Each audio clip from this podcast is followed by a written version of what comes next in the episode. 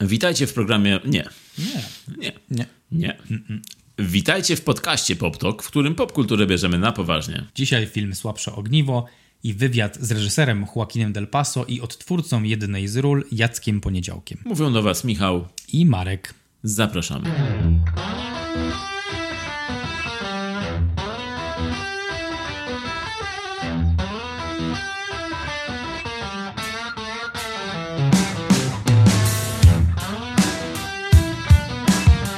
Dzisiaj rozmawiamy o filmie Słabsze Ogniwo w reżyserii Joaquina Del Paso. Jest to meksykańsko-polska produkcja i najpierw porozmawiamy sobie o filmie, a potem o filmie będą mówić sami twórcy. Słabsze ogniwo, e, tytuł angielski Hole in the Fence.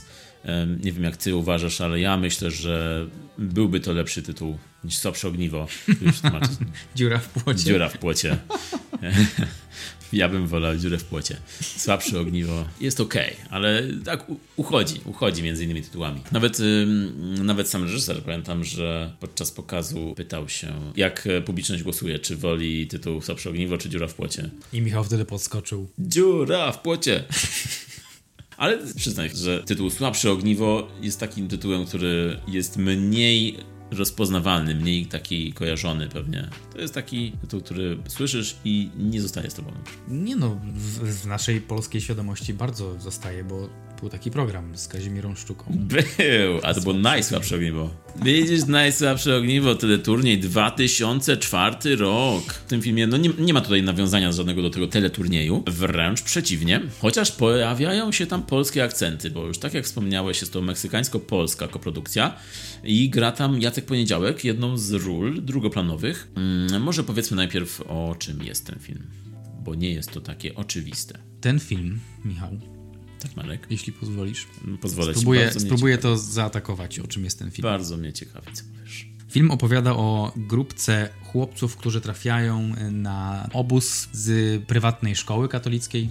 I podczas trwania tego obozu oni otrzymują trening duchowy, moralny, fizyczny i spędzają czas raczej w swojej grupie, tak jak kojarzą nam się obozy, jak byliśmy młodzi, jeździliśmy na obozy, tak oni właśnie jadą na obóz i mają jakieś aktywności w swoim harmonogramie i są tam z wychowawcami, którzy ten harmonogram prowadzą. Brzmi jak każdy obóz, jaki mógłby się odbyć. Do tej pory, no nie? Brzmi, Tak, brzmi tak. jak każdy obóz, który mógłby się odbyć, ale w trakcie fabuły wychowawcy sprzedają swoim wychowankom informację, że nieopodal jest jakaś wioska i jest niebezpieczeństwo tam i może być tak, że to niebezpieczeństwo również y, przedrze się do ich terenu i wtedy zaczyna się groza. A tą grozę rozpoczyna tytułowa dziura w płocie, którą znajdują uczniowie razem z wychowawcą i od, od tej pory zaczynają się obawiać, że świat zewnętrzny się przedostanie do nich właśnie. E, I tutaj ważne jest to, co powiedziałeś, czyli są to te dzieci, młodzież, y, to są chłopcy, to jest też ważne, bo to jest szkoła dla chłopców, szkoła katolicka i wkrótce wychodzą wszelkie nadmiary ich testosteronu i dojrzewanie wchodzi no, na pełnej. E, A dojrzewają tam e, wybrani, bo to jest szkoła dla synów elit Meksyku, co jest zaznaczone tam. E, No i tak jak się możesz spodziewać, jak się każdy może spodziewać, no nie są to całkiem grzeczne i spokojne dzieci. Mm, I mimo tego, albo mo- może nawet właśnie przez to, że to jest szkoła katolicka, e, jest to bardziej uwypuklone jeszcze.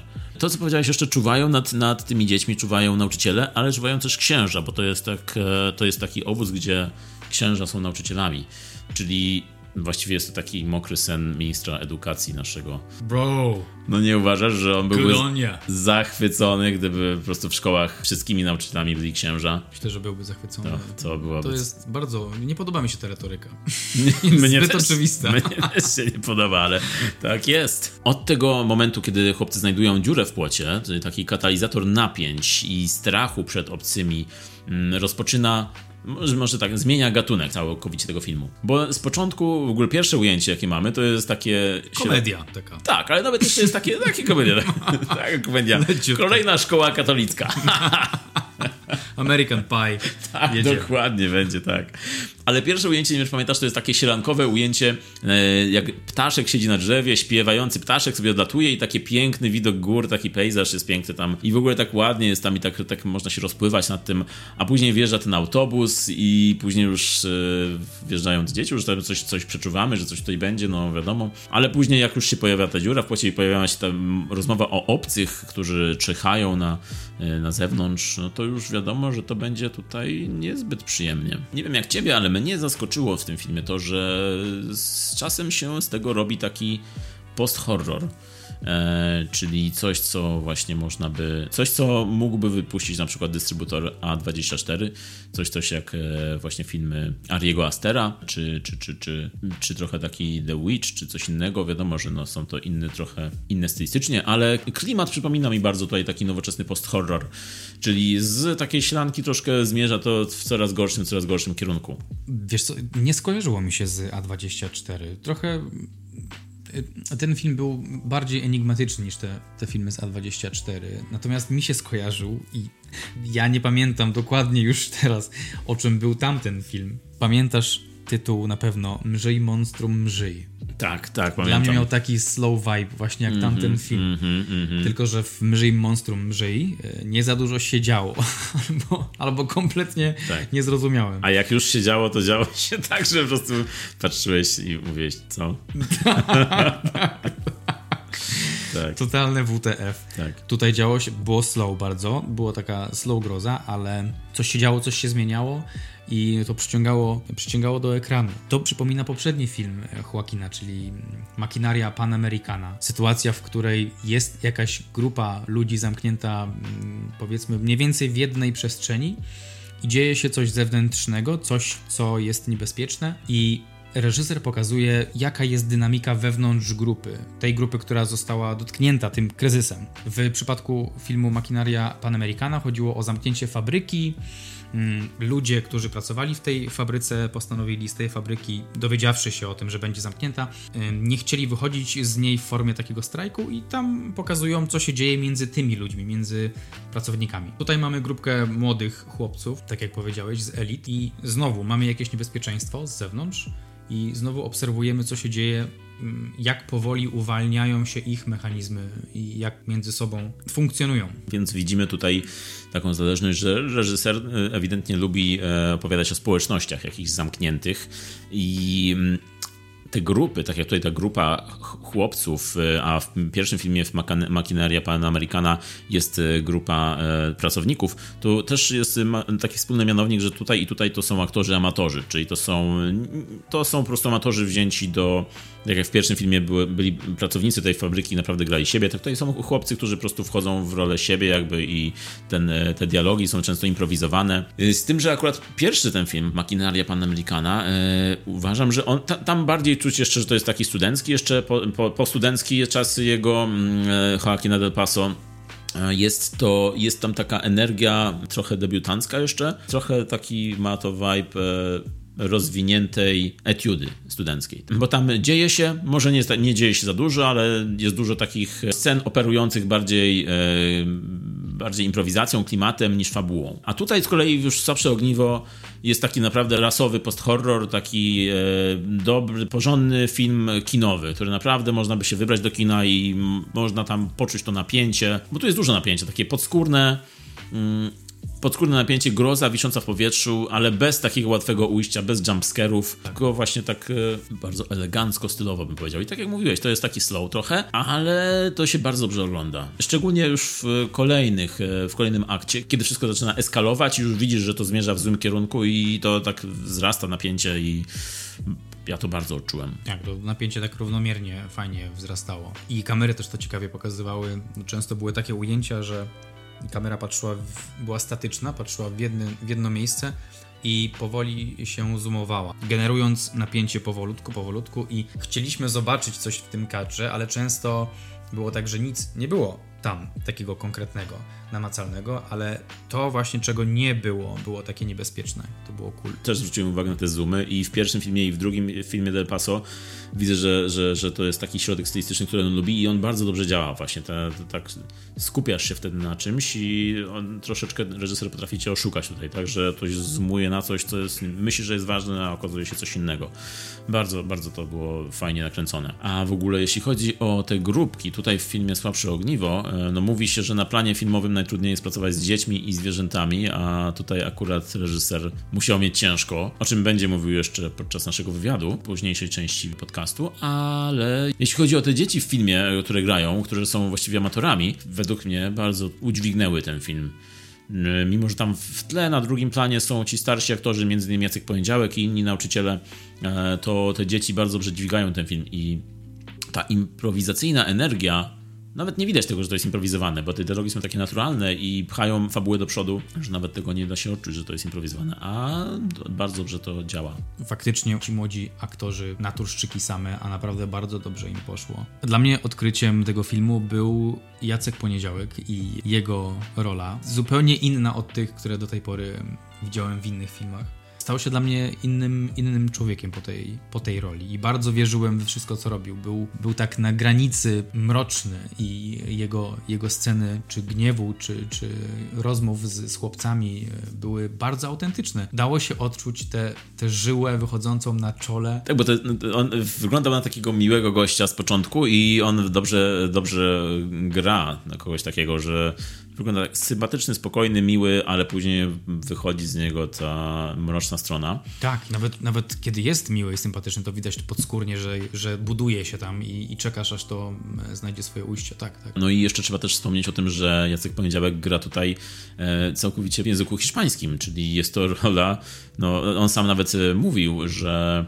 on nie zna hiszpańskiego, nie znał hiszpańskiego, on się przygotowywał do tego filmu fonetycznie, czyli hmm. on swoje kwestie, swoich kwestii uczył się na pamięć i i po prostu no, tyle, o ile tam rozumiał, wiadomo, no, wi wiadomo, że rozumiał o czym mówi, ale tyle, o ile rozumiał o co mówią inni, tak, do niego w języku hiszpańskim.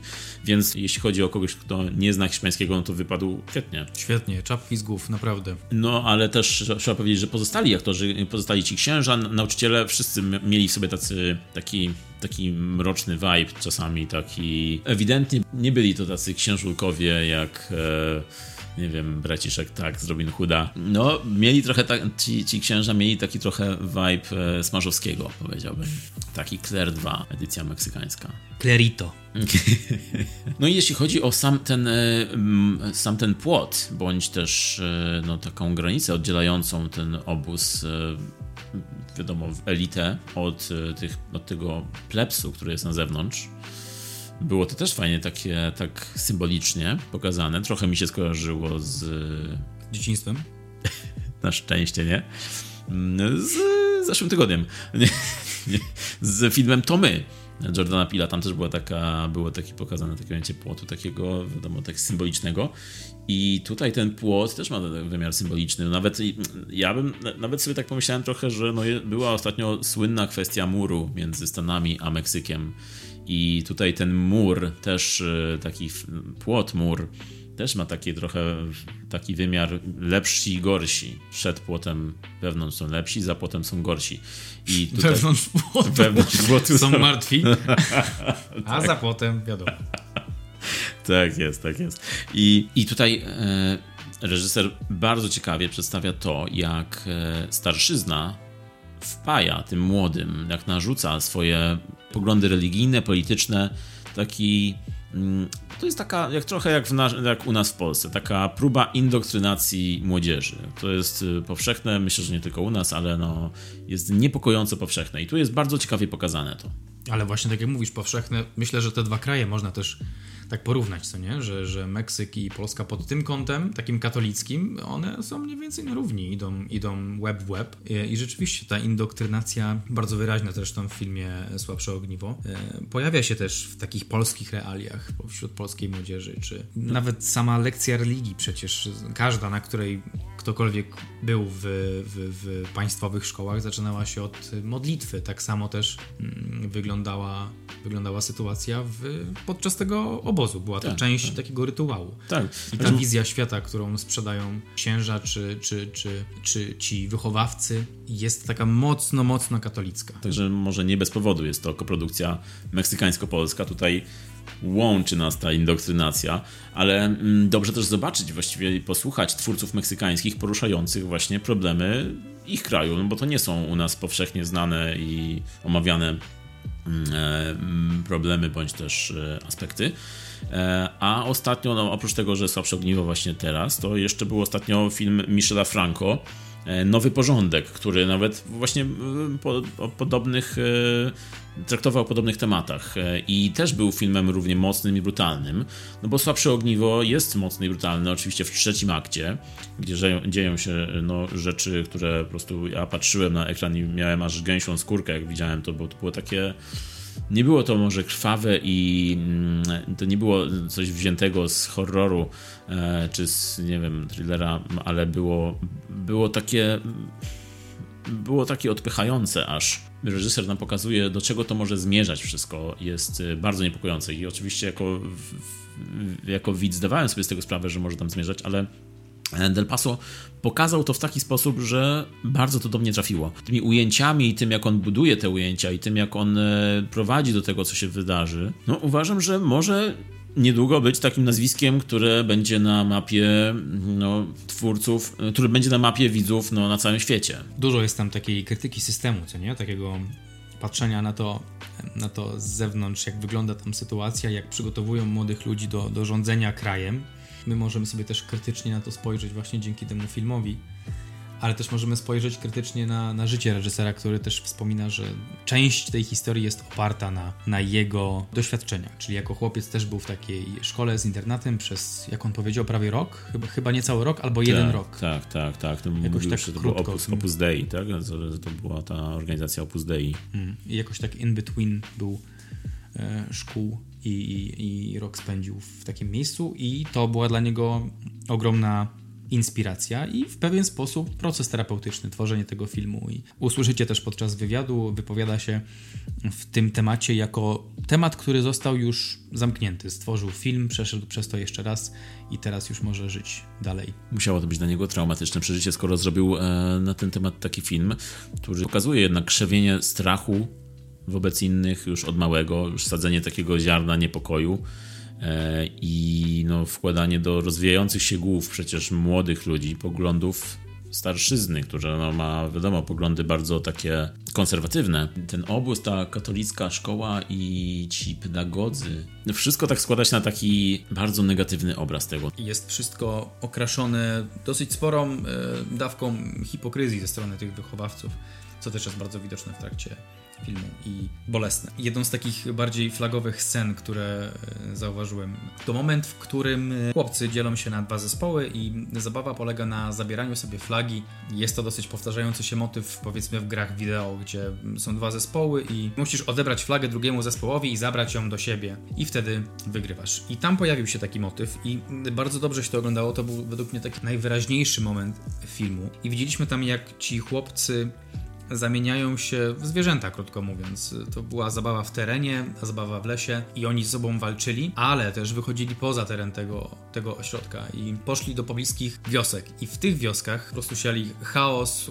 bili w drzwi w domków, uderzali w jakieś blachy od garaży i e, budzili wszystkich dookoła. I najgorsze w tym wszystkim było to, że oni zachowywali się bardzo, bardzo agresywnie w stosunku do tej właśnie no niższej klasy, bo to byli ludzie, którzy, to była raczej uboga społeczność, a ci chłopcy z obozu, z, z tej elity, z prywatnych szkół, wychodzili do tych osób ubogich, do tych dzieci ubogich i terroryzowali je. I to było, to było takie niebezpieczne. Mimo wszystko bardzo dobrze scena była zrealizowana, bo biorąc pod uwagę też to, jak mówiłeś o ich zdolnościach aktorskich, to wszystko wyszło bardzo naturalnie. At the same time było bardzo niebezpieczne i niepokojące, że jednak takich chłopców ludzie szykują na przyszłych przywódców. Tak, i taki cel mają właśnie, żeby tak w ten sposób ich wychować. No i właśnie ta, ta scena o której powiedziałeś, czyli to, że jak oni atakują tą wioskę, jest ciekawym, sprytnym odwróceniem tego założenia, które przecież księża i nauczyciele im dają, czyli oni są tutaj bezpieczni, a niebezpieczeństwo czeka na zewnątrz, a tutaj tak naprawdę się okazuje, że jest odwrotnie, czyli oni są tym niebezpieczeństwem zamkniętym przez ten płot, a świat zewnętrzny no, jest tutaj sobie żyje spokojnie własnym życiem i to oni na nich napadają. Um, no, w ogóle to, co się dzieje później, jest bardzo wstrząsające i to, jak film się kończy i to, z czym nas zostawia, to takie poczucie, mną to wstrząsnęło. I nie jest to wiadomo nic nowego, no bo u nas w Polsce są, takie rzeczy dzieją się na co dzień, ale no mimo wszystko to jest takie, pozostawia cię z takim poczuciem, że kurde, źle się dzieje, źle się dzieje naprawdę. I to, co tutaj pokazuje Del Paso, wcale nie, wcale nie jest takie odklejone od rzeczywistości. To jest bardzo właśnie rzeczywiste, zakorzenione w rzeczywistości. A jeśli chodzi o tych chłopców, tych bohaterów, bo to właściwie jest taki film drużynowy, nie? Tam są grupy tych chłopców, którzy się trzymają razem i te grupy są fajnie przedstawione, bardzo, bardzo mm, prawdziwie, czyli każda grupa wybiera swoją ofiarę, czyli tego najsłabszego w grupie, całkiem jak wśród zwierząt rzeczywiście. Najsłabszy w grupie oczywiście, najsłabszy w grupie oczywiście pada na jakąś etniczną mniejszość albo mniejszość seksualną zazwyczaj, czyli tą najłatwiejszą ofiarę, a liderzy wybierają sami siebie tak naprawdę w tej grupie, czyli jest to takie już rzeczywiście tworzenie przyszłych przywódców, które można porównać z jakąś e, z bandą dzikusów. Mm, mm, tak, du duży animalizm tam w pewnym momencie się, się pojawia, który wychodzi z, jak mo mogłoby się wydawać, cywilizowanych ludzi, którzy pochodzą właśnie z elity, z, z miejsc, w których panuje pewnego rodzaju taka stabilność. Tak, taka, za dużo tej stabilności. Taka udawana stabilność, bo tutaj wszyscy udają, że to jest porządek, stabilność, to tak naprawdę ten porządek to jest no, wymysł tej elity i tych wszystkich zarządzających, no, wobec których w końcu się to wszystko odwraca.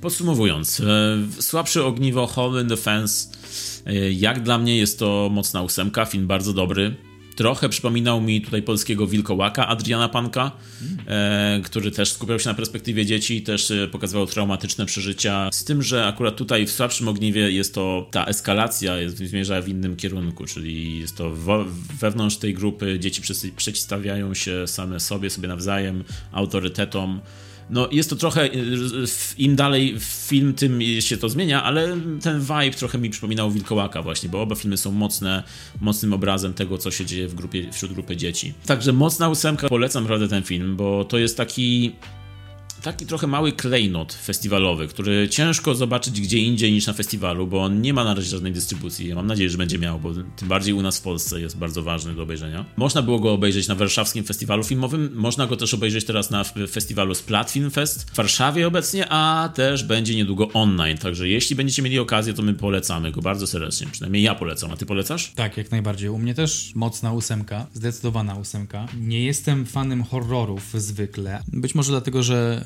że nie lubię za bardzo jumpscare'ów, chociaż jest to też pewnej konwencji. Tutaj prawdziwy horror dział się nie na naszych oczach, tylko w naszych głowach i dało się to odczuć. Poza tym muzyką zajmowali się ci sami twórcy, co w serialu Stranger Things, więc to też bardzo dużo dawało klimatu. Właśnie muzyka tam była super.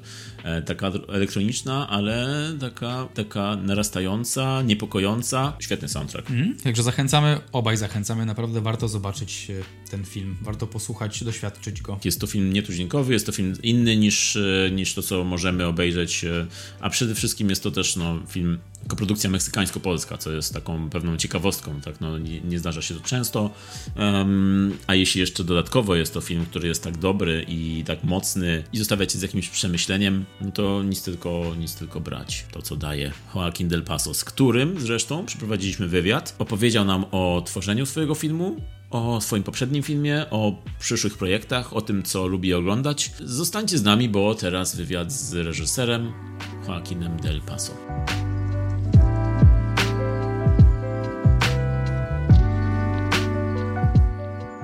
Może zacznijmy też jeszcze o, od Słabszego Ogniwa. Czy możesz najpierw opowiedzieć w ogóle o czym jest film? To jest film, e, który się dzieje w Meksyku i jest o grupa nastolatków, które jadą e, ze szkołą religijną na taki obóz integracyjny, religijny, coś takiego i ten obóz jest obok jakiejś wioski meksykańskiej, biednej wioski meksykańskiej i jest im powiedziano, że nie, nie wolno wychodzić z tego obozu, bo tam są niebezpieczne regiony. Pierwszy dzień widziałem, znajdują taki dziura w płocie i się do, i zaczyna się jakaś intryga, że może ktoś się łamał do, do tego miejsca i może są zagrożone. Nie? I wszystko, co się dzieje później, to jest konsekwencja tego, tej wyobraźni, które mają te dzieciaki. Od razu powiem, że bardzo mi się podobało.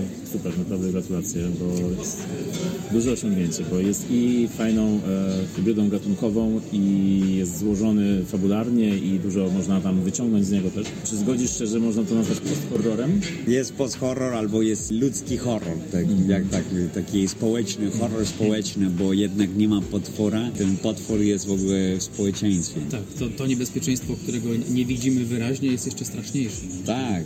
Bo sobie wyobrażamy. Żyjemy tak naprawdę cały czas w takim świecie, gdzie są takie siły, mocne siły, obskurny i które dotykają wszystko. Ten film opowiadał jakąś część tego. Może przejdźmy teraz y, do początków, czyli do tego, jak się to zaczęło. Jak w ogóle zaczęło się to, że to jest produkcja meksykańsko-polska? Ja studiowałem w Łodzi w szkole filmowej i tam poznałem y, mój, mój kolega Paweł Tarasiewicz, który jest współwłaściciel y, Fundacja Mondo Films i oni, jak skończyłem szkołę, robiłem swój pierwszy film fabularny w Meksyku i to była pierwsza nasza koprodukcja Meksyk-Polska i kilka lat później miałem kolejny film do zrobienia i Paweł się zgodził, żeby być jakby polskim koproducentem, a w tym samym czasie poznaliśmy Rafała Cruz, który jest agentem Dziadzka Poniedziałka, więc wszystko jakby się zgrało, e, dostaliśmy dofinansowanie z PISF-u i jednak się udało. Mówiłeś o swoim debiucie meksykańskim, czyli Maquinaria Panamericana. I e, teraz tutaj e, w Słabszym Ogniwie widzimy to, że inspirujesz się swoim życiem, czyli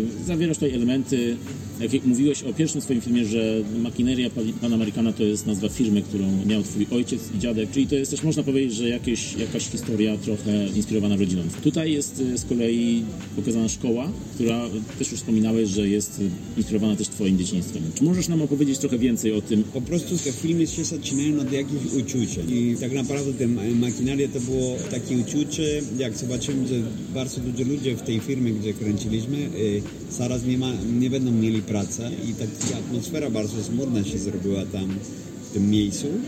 I taka uczucia z porównania do, do moje doświadczenia w dzieciństwie, to mi zbudowała taka wielka emocja i wielka chęć, żeby pogadać o tym. A w tym rodzaju ja studiowałem w szkole religijnej przez jakiś czas.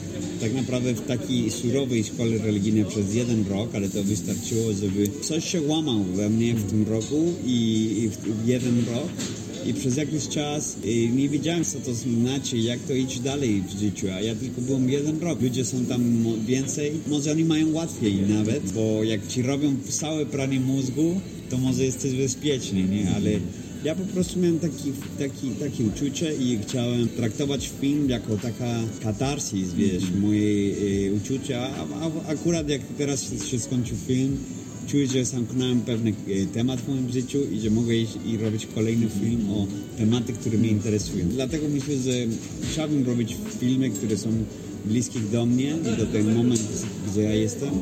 I, I teraz już nie jestem zbliżony do tego tematu filmu, idę dalej, nie? I to jest fajne. Ja chciałem spytać o e, festiwal w Wenecji. Jak odbiór tam publiki? Ten film robi wrażenie, jest mocny. Włochy jest też katolicki kraj, więc było bardzo ciekawe rozmowy dobry odbiór i ogólnie wszystko super. Fajny festiwal, bo ludzie, którzy tam chodzą, lubią kina i było dużo uroczystości. Mm. Teraz jeździsz z tym filmem po festiwalach, czy widzisz różny odbiór w różnych krajach? Byłem w Turcji, który jest zresztą film bardzo e, skomplikowany. Religia i polityka są bardzo mocno związane i nawet jak to nie jest katolicka, to jest muzułmańska i, i też tam są różnice klasowe dosyć duże. Więc ten film był odebrany bardzo mocno. W Francji było odebrane też bardzo e, mocno, bo oni też mają dużo problem z kościołem i z church abuses.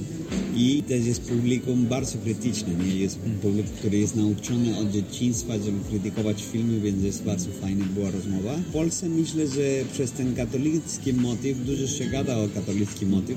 Oczywiście ten film gada o tym, ale też e, mówi o inne rzeczy. Rasizm, i takie rzeczy, ale w Polsce mi się wydaje, że wszystko się skupia na religię i to jest naturalne. I zobaczymy dalej, nie? Mi się wydaje, że ten film działa, nie? Na różnych krajach. Właśnie a propos różnych krajów. E, urodziłeś się w Meksyku, skończyłeś e, studia na Kubie, później studiowałeś w Łodzi, teraz kręcisz w Meksyku. Czy czujesz się obywatelem Meksyku, czy czujesz bardziej, że jesteś światowy? Jak teraz jestem w Polsce, naprawdę czuję się bardzo Polakiem, nie wiem. Bo to były takie ważne czasy w moim życiu, a teraz przychodzę, jestem jakby dorosłym człowiekiem, e, już nie jestem studentem, e, e, mam tutaj film. Bardzo fajny jest tutaj, ale nie jestem nikąd tak naprawdę. Ale oczywiście jak ktoś się urodził w Meksyku, ma coś w sobie, że jest Meksykaninem tak naprawdę duchowo, bo to jest jednak taki kraj duchowy bardzo. Widzę materiał na następny film w takim razie, Katarzis. Następny film będę robił o miłości i o szukanie jakby miłości i o parach, o seksu, o różne rzeczy, które już bardziej dotyczą moje teraźniejsze czasy w moim życiu. Ja mam pytanie odnośnie muzyki. Jak doszło do współpracy między wami, Michaelem Steinem i Hyrexem? Poznaliśmy jego e, agent kiedyś i on polecał e, różnych muzyków i pokazywali układki. Oni od razu się e, podekscytowali i mówili, że je słyszą ten film, słyszą jak, jak jest. I pracowaliśmy ponad 8 miesięcy na tą muzykę, przez, bo ten proces przez COVID był bardzo wolny. Robiliśmy wszystko online. Dopiero w Wenecji się poznaliśmy, więc było ciekawe, nie? I oni są naprawdę geniuszami, wiesz, to ta muzyka ma tyle warstw, że jak będzie ten soundtrack kiedyś w internecie, to będziecie słuchali, że to jest skomplikowana muzyka, bardzo gęsta, bardzo fajna. To jest y, twój drugi film pełnometrażowy ze scenarzystką, współscenarzystką Lucy Pawlak. Następnie też planujesz z nią? Tak, teraz piszemy razem, próbujemy pisać w innym sposób, próbujemy nie pisać jakby razem cały czas, tylko że ja, ja piszę najpierw, później ona i tak dalej, albo równolegle piszemy i próbujemy znaleźć inne formy pracy, żeby te filmy też się nie robili taki sami. A przy tym filmie jak wyglądał proces tworzenia scenariusza? Bardzo dużo było rozmowach o, o bohaterach, o dzieciakach, o dorosłych. Jak już poznaliśmy tych bohaterów, było dużo rozmów o strukturach filmu, co się dzieje pierwsze, co się dzieje. I jak już mieliśmy całą strukturę jakby zaplanowana, taka drabinka, było tak, że e, e, zamknęliśmy się w jednym domu przez prawie miesiąc i, i ona pisała jedną scenę, ja pisałem inną i wieczorem się czytaliśmy te sceny. I albo była jakby została zaakceptowana przeze mnie, albo trzeba było poprawić, albo trzeba było pisać znowu, więc jeżeli trzeba było pisać znowu, może ta druga osoba pisała tą scenę, albo ta druga osoba poprawiała i tak to było taki, w pewnym momencie było jeden jakby scenariusz i wtedy już nie było tak, że ty pisałeś to albo ja, tylko zaczęliśmy poprawiać cały scenariusz razem. Przypomniało mi się zdanie bracia Cohen, jak mówią, jak piszą scenariusze, to, bo oni też we dwóch piszą, to mówią, że jeden opowiada, drugi przepisuje. tak, Więc można takie na przykład takiego, tak. A jeśli mógłbyś powiedzieć nam trochę o Amondo Films, bo wiem, że jesteś założycielem, członkiem Amondo Films. Co Tak. to jest i co robicie? No to jest firma, y, która jest w Warszawie, y, część w Meksyku i w Indiach. I głównie y, w Meksyku się zajmuje produkcja filmów, w Polsce zajmuje się y, promocję też filmów i ma swój własny kino w Warszawie i też produkcja y, filmów dokumentalnych, fa- fabularnych, a w Indiach y, robimy dopiero pierwsze jakby kroki w znalezieniu takich miejsc, ale to jest firma, która tak naprawdę się interesuje kultura kina i, i nie tylko produkcja. To nie jest to 100%, to jest firma produkcyjna, ale które e, lubię po, pokazywać kina. To jest taki film lovers, nie taka, taka firma, ludzie, którzy kochają kino. Jeszcze co do motywów może w Twojej twórczości. E, W debiucie i tutaj mamy zamkniętą grupę społeczną.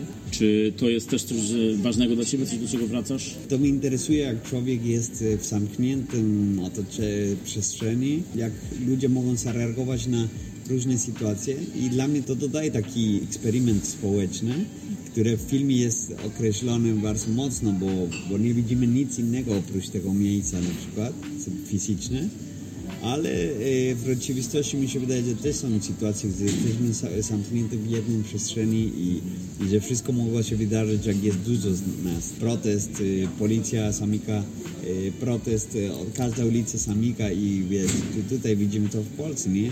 A to może powodować bardzo szybko przemoc i bardzo szybko jakieś uczucie zamknięte, e, zamknięcia. Jednak jesteśmy zwierzętami i nie lubimy być zamknięty do końca. Zamykamy się, ale nie lubimy czuć, że nie możemy wyjść. Nie wiem, czy słusznie, czy nie, ale z tym filmem i właśnie z tym, co mówisz, kojarzy mi się film Shyamalana Osada, bo podobny punkt wyjścia. Nie wiem, czy w jakikolwiek było to powiązane, czy to jest Nie, nie, ale oczywiście widziałem ten film i podoba mi się pomysł, nie?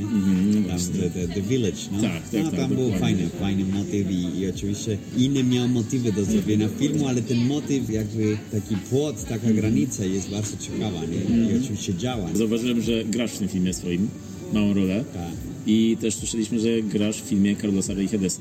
tak, tak, tak. Czy to jest coś, co lubisz robić, coś, co chcesz robić, grać w filmach też? To jest coś, co chcę robić? Chyba tak, bo podoba mi się, mi się grać, to jest taki, taka zabawa. Nie wiem, czy mogę mieć większą rolę w, w własnych filmów. Jednak reżyserować i grać w tym samym filmie jest ciężki.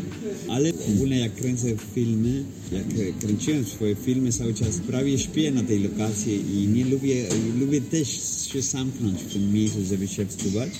I, i po, po jakimś momencie tak naprawdę ty jesteś też częścią tej fikcji. Dlatego wydaje, że reżyser musi się zbliżać bardzo, bardzo, bardzo tak, taki, do, taki do stanu jakiś obsesyjny, obsesyjny do, do tematu w trakcie zrobienia filmu. Nie, E, nie, nie używam e, telefonu, e, nie, nie używam telefonu, WhatsApp, niczego. Próbuję się odciąć naprawdę, bo i nie, i nie wracam do domu, zostaję tam blisko albo w tym hotelu, żeby się czuć cały czas, że dopóki się nie skończy fabuła, to nie mogę iść dalej. Na planie bardziej lubisz kontrolować, czy lubisz też improwizację? Czy Nie, improwizację bardzo lubię, uwielbiam improwizować, ale oczywiście ja wiem, co chcę osiągnąć i jeżeli improwizacja nie działa, reżyser cały czas musi mieć różne sposoby, żeby dojść do tego, co chce.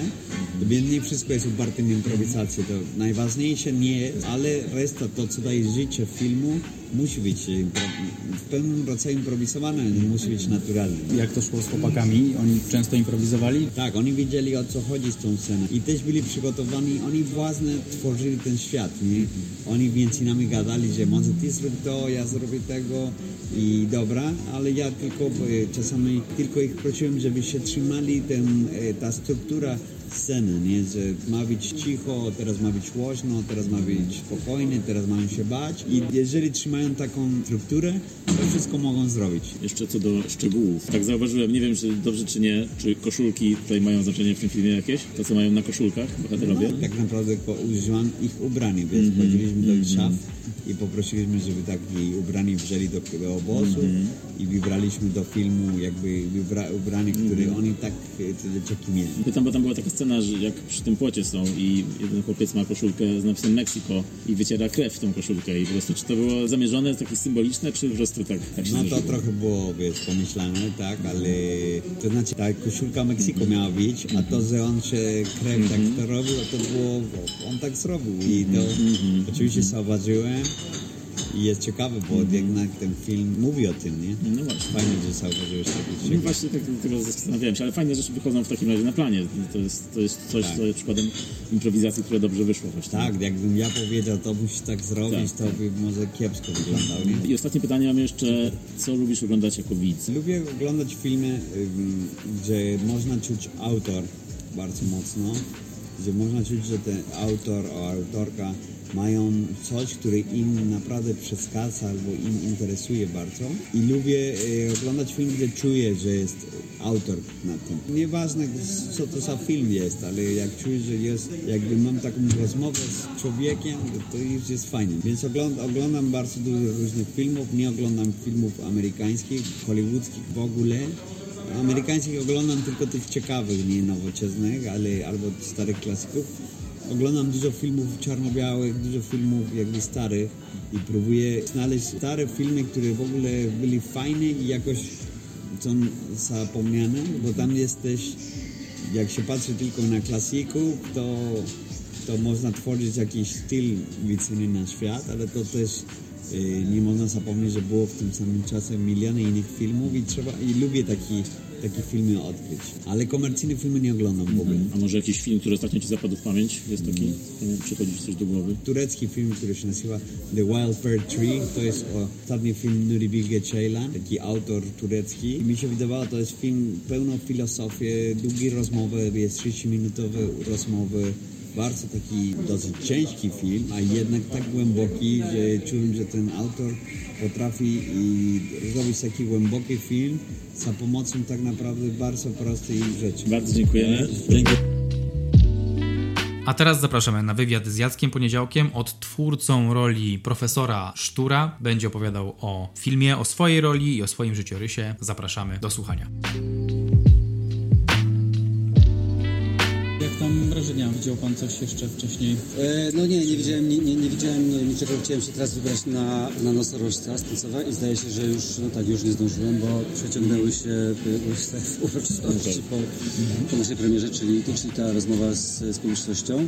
Z reguły jak się uczestniczy w jakichś festiwalach, czy są teatralne, czy filmowe, to z reguły prawie niczego się nie da zobaczyć, bo jest to obowiązek. Więc y, niestety nie, ale jestem świeżo po Gdyni, tam się udało parę filmów e, polskich obejrzeć. No właśnie, wszystkie nasze strachy, główna nagroda z Panem udziałem, gratulacje, bo tam też był jeszcze Hyacynt, więc dwa, dwa filmy takie duże w Gdyni. Jakieś jeszcze plany da- dalsze na, na, na kolejne? No, to, mówimy o rzeczach, które już powstały. Tak, tak. No, jest przede wszystkim serial e, na Netflixie, dalsza część tej jakby sagi Cobena, e, w jakimś sensie nawiązanie do W głębi lasu. To się nazywa Zachowaj spokój i gram tam bardzo złego człowieka, człowieka czyli można powiedzieć po warunkach. I film Kasi Rozłaniec, e, jej najnowszy film, który powstał już półtora roku temu, znaczy nakręcony i którego premiera miała się odbyć w tym roku. Niestety się mm, nie udało, więc będzie w 2022 roku. To jest film pod tytułem Jezioro Słone czy Słone Jezioro, gdzie mm, zagrałem taką postać, która jest kompletnie do mnie niepodobna. Bardzo y, w jakimś sensie się dobrze przy tym bawiłem. Zagrałem z takiego starego modela. W jakimś sensie alterego takiego Filipa Dumas, francuskiego emeryta, młodego emeryta, jakiegoś pracownika administracji, który poszedł na emeryturę, zapuścił brodę, zaczął robić zdjęcia tej brody, wrzucał, wrzucał na Instagram i w, na, nagle zebrał jakieś pół miliona czy ileś fanów, po prostu został na starość modelem i trochę ta moja postać jest wzorowana na, na tym człowieku. To jest taka mm, historia miłości w, w późnym wieku, bym powiedział, pewnego miłosnego trójkąta. Teraz przejdziemy może do filmu, który właśnie obejrzeliśmy, czyli Słabsze Ogniwo. Jak wrażenie? Super, naprawdę. Tam rocznie. Mroczny, mi się to podobało. taki złożony, fajny, naprawdę wieloaspektowy i wielogatunkowy też film. Taki jest styl Joaquina, który mi się bardzo podoba od jego pierwszego filmu, tego debiutanckiego, za który dostał nagrodę Milka, mianowicie Makineria Panamericana, który jest dla mnie takim trochę pankowskim, w moim odczuciu nawiązaniem do bardzo wczesnego Almodovara, tego naj, dla mnie najbardziej, no, najbardziej mnie poruszającego, takiego szalonego, jeszcze nie, jakby nieopieszonego i niewygładzonego, nie, niewypolerowanego, tylko właśnie szalonego, ostrego, brutalnego i co na przykład widać jakby w montażu, w sposobie narracji oraz w stylach aktorstwa, bo są bardzo różne. Panowie widzicie, że tam jest też wielu na przykład amatorów czy osób, które są, to akurat ja wiem, bo, bo uczestniczyłem w tej pracy, niemalże z ulicy. Trochę jakby w duchu, bym powiedział, Pasoliniego i też y, sp- sposób, w jaki Joaquin inkorporuje takie osoby do zespołu aktorskiego jest wspaniały, z pełen ostrożności, delikatności i pełnego szacunku, więc to jest naprawdę wspaniałe. Więc to, to, to mi się w tym języku podoba, że jest taki trochę chropowaty, trochę nierówny.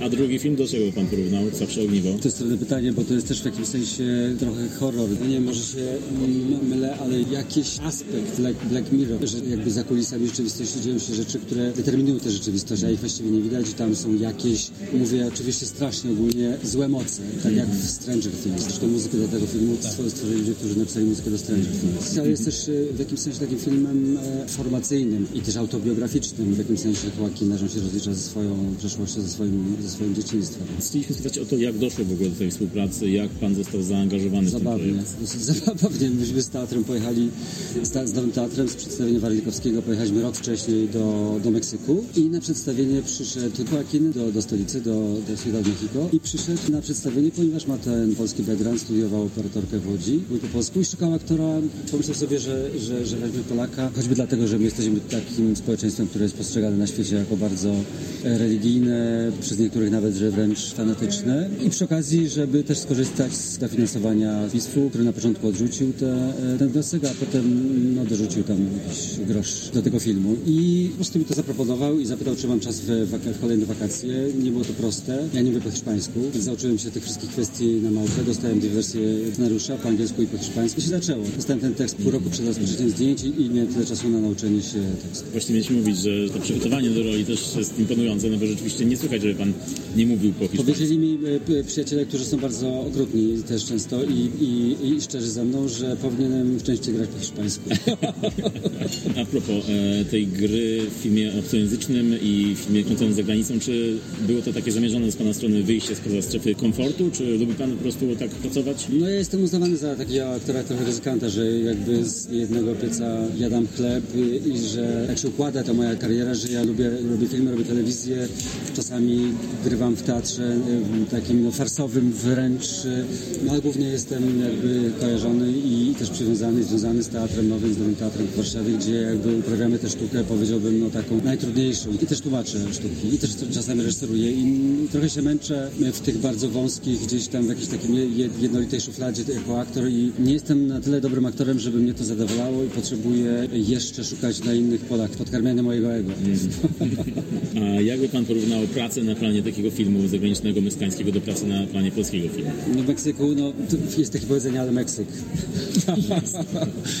I trochę tak jest, ale to nie wynika z tego, że oni są po prostu chaotyczni, tylko, czy też nieuważni, tylko oni trochę się nie przejmują tak strasznie jak my. Ja mam wrażenie, czasami pracując, zwłaszcza grając w serialach, w, tych, które finansują w Polsce platformy streamingowe, że my zbyt poważnie czasami do tego podchodzimy i te produkcje tych filmów czy, czy seriali stają się trochę taką korporacją. I jeżeli chodzi o przestrzeganie różnych norm, o to, ile czasu trzeba spędzić na planie, kiedy jest przerwa, jak się mamy do siebie odnosić, jakie jest zaplecze, jak e, ściśle musimy się trzymać tekstu, czy też planu zdjęć, bo w Meksyku graliśmy w plenerze często, po prostu zalewało całą scenografię. Tam są po prostu takie szawery, takie po prostu urwania chmury i wtedy trzeba zmieniać kompletnie plan zdjęć. W Polsce to jest coś takiego, co prawie by się nie mogło zdarzyć, no a tam po prostu są mega elastyczni. Myślę, to jest istotne, że bardzo się dobrze do siebie odnoszą, znaczy mniej formalnie niż u nas, bardziej na luzie, ale z większym jakimś takim zrozumieniem różnych słabości i z, i z pewnym ciepłem, którego u nas na planie jednak się nie widuje tak często. Tak to porównał. Jeszcze jedno pytanie co do Słabszego Ogniwa. Jak się panu pracowało z aktorami dziecięcymi? Nie miałem z nimi tak znowu dużo scen, to z reguły były sceny zbiorowe. Oni tam, jak się ich porówna też tą dorastającą młodzież, byli 12, 13, 14, 15 latkowie, tą młodzieżą polską, przy czym ja nie chcę tutaj narzekać, że jest tak źle, ale jednak oni tam wszyscy mówią po angielsku. Wszyscy mówią doskonale po angielsku, więc komunikacja była bardzo prosta, ale też ja się tak trochę może biję w pierś za często, ale jest coś takiego, że ta postać trochę mi weszła w krew i oni mam wrażenie, że się trochę mnie bali na tym planie i po, i też czasami sobie ze mnie żartowali, ale nie dochodziło na do żadnych niepokojących konfliktów. Bardzo ich wszystkich polubiłem i urządzili mi tam urodziny, bo 6 sierpnia są moje urodziny, a wtedy akurat mieliśmy dzień zdjęciowy. I nie wiem jak się o tym dowiedzieli, że mam urodziny, bo ja o tym nie mówiłem, natomiast nagle pojawił się to, taka pieśń, która się śpiewa w Meksyku, kiedy ktoś ma zamiast 100 lat Las Mañanitas, to jest piękna, czyli poranki, poraneczki, przepiękna pieśń, którą oni śpiewają na głosy, a potem robi się mordidę, czyli po prostu wpychają panu głowę w tort. I jest on cały wysmarowany kremem z torta i po prostu trzeba go oczywiście zjeść. I bardzo to było jakieś takie, no nie wiem, bardzo mnie poruszyli, bardzo mnie wzruszyli, bardzo mnie, bardzo mnie to ucieszyło. Trochę już o tym rozmawialiśmy na sali, odnośnie katolicyzmu tego wyraźnego, tych chłopców osadzonych mocno w tym systemie. Chciałbym spytać, czy ma Pan jeszcze jakiś dalszy komentarz na temat tego, jakby to przynieść na polskie realia, czy, czy ta nasza młodzież też jest trochę taka zagrożona pod tym kątem. Takie będą rzeczy pospolite, jak ich młodzieży chowanie. Stary tekst, ma kilkaset lat, jest jak najbardziej aktualny. To dotyczy każdego kraju. Jeżeli się jedna opcja taka bardzo silnie ideologiczna zawłaszcza właściwie cały obszar i edukacji, i kultury, i mediów, i wszędzie jest jeden taki strasznie, no nie boję się słowa, nazistowski e, e, przekaz, no to obawiam się, że odkręcanie tego będzie bardzo trudne i będzie wymagało całego pokolenia, albo nawet dłużej, bo myślę, że szkody wyrządzone w tej chwili są bardzo głębokie i, i już widać zresztą bardzo często w tych argumentacji ludzi, którzy się sprzeczają na, w mediach społecznościowych, jak bardzo wiele osób przejęło jakby taką, nie nienawidzę tego słowa, ale taką nienawistną, klaustrofobiczną narrację okopanej twierdzy, w której mentalnie gdzieś umieszcza nas dzisiejsza władza. I Kościół w tym uczestniczy żywo i myślę, że za to zapłaci, już zaczyna płacić, bo bardzo spadła frekwencja na mszach. I ludzie nie wrócili tak bardzo do kościoła, zwłaszcza młodzi po, po pandemii i jak, jak często chodzili przed. Tak, dlatego ja myślę, że ten film bardzo pasuje na przykład do polskiego klimatu. A też się bardzo cieszę, bo on jest też opowiedziany w sposób mimo wszystko, mimo tej jakby powagi gdzieś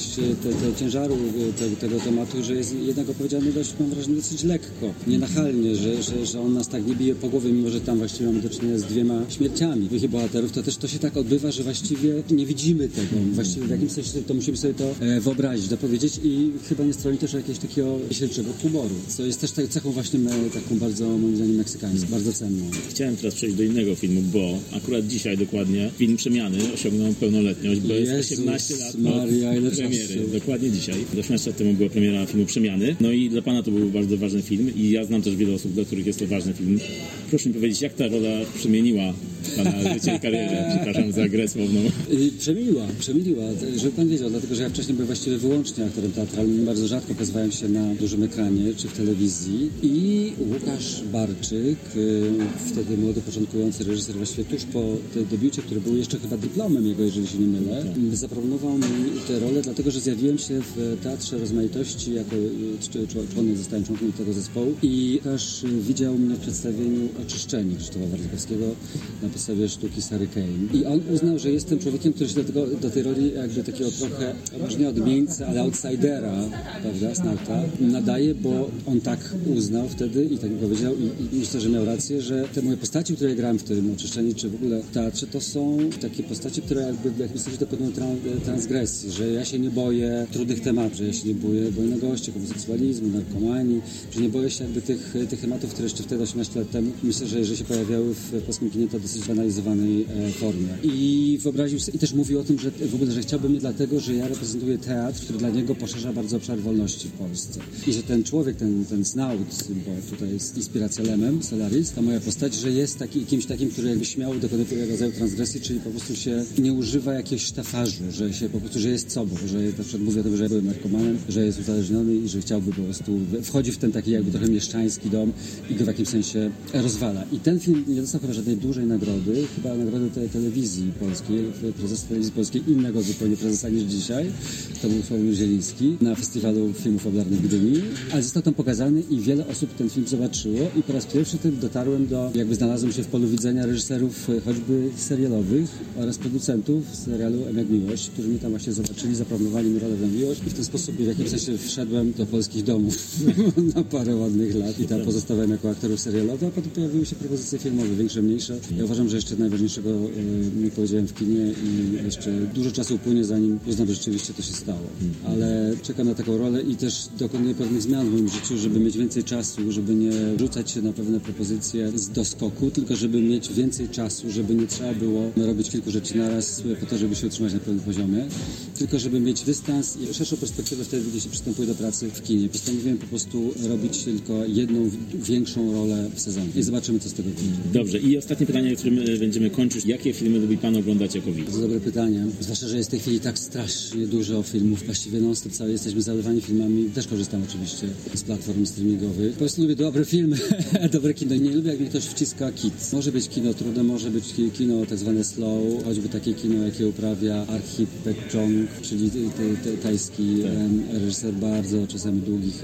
Ale ostatnio rzeczywiście też, też jest kino slow. Ja właściwie zachłysnąłem się kinem meksykańskim, choćby Michelem Franco, taki jest film Después e, Lucia, po polsku się to nazywa Pragnienie Miłości, czy też dwoma filmami Rehatasa, przyjaciela naszego reżysera Joaquina del Paso, mianowicie mm, Post Tenebral Lux, otrzymał kiedy Złotą Palmę, jeżeli się nie mylę, albo Dwa Weneckiego, Złotego parę lat temu, natomiast drugi jego film chyba został w tej chwili bardzo doceniony na Horyzontach, na Nowych Horyzontach, mianowicie Nuestro Tiempo, Nasz Czas, gdzie nasz reżyser Joaquin del Paso gra jego przyjaciela, chorego, powiedz na to kino, więc ja lubię takie kino, kino intelektualne, ale które opowiada o, rzeczy o piekle rodzinnym, o tym, co, co wszyscy znamy i czego wszyscy doświadczamy. Pieków nawet nie takie bardzo parzące, nawet takie lekkie i o którym bardzo trudno jest opowiedzieć w sposób prawdziwy, a jemu się rzeczywiście udaje. Takie kino najbardziej do mnie przemawia. Też oczywiście kocham Hanekego, no, kocham y, Davida Lyncha, no jest bardzo wiele reżyserów, których, których kocham. Bardzo dziękujemy. Dziękuję. To już wszystko, co dla Was przygotowaliśmy w tym odcinku. Kłaniamy się nisko, dziękujemy, że z nami byliście. Mówili do Was Marek. I Michał. Do zobaczenia, usłyszenia. Cześć.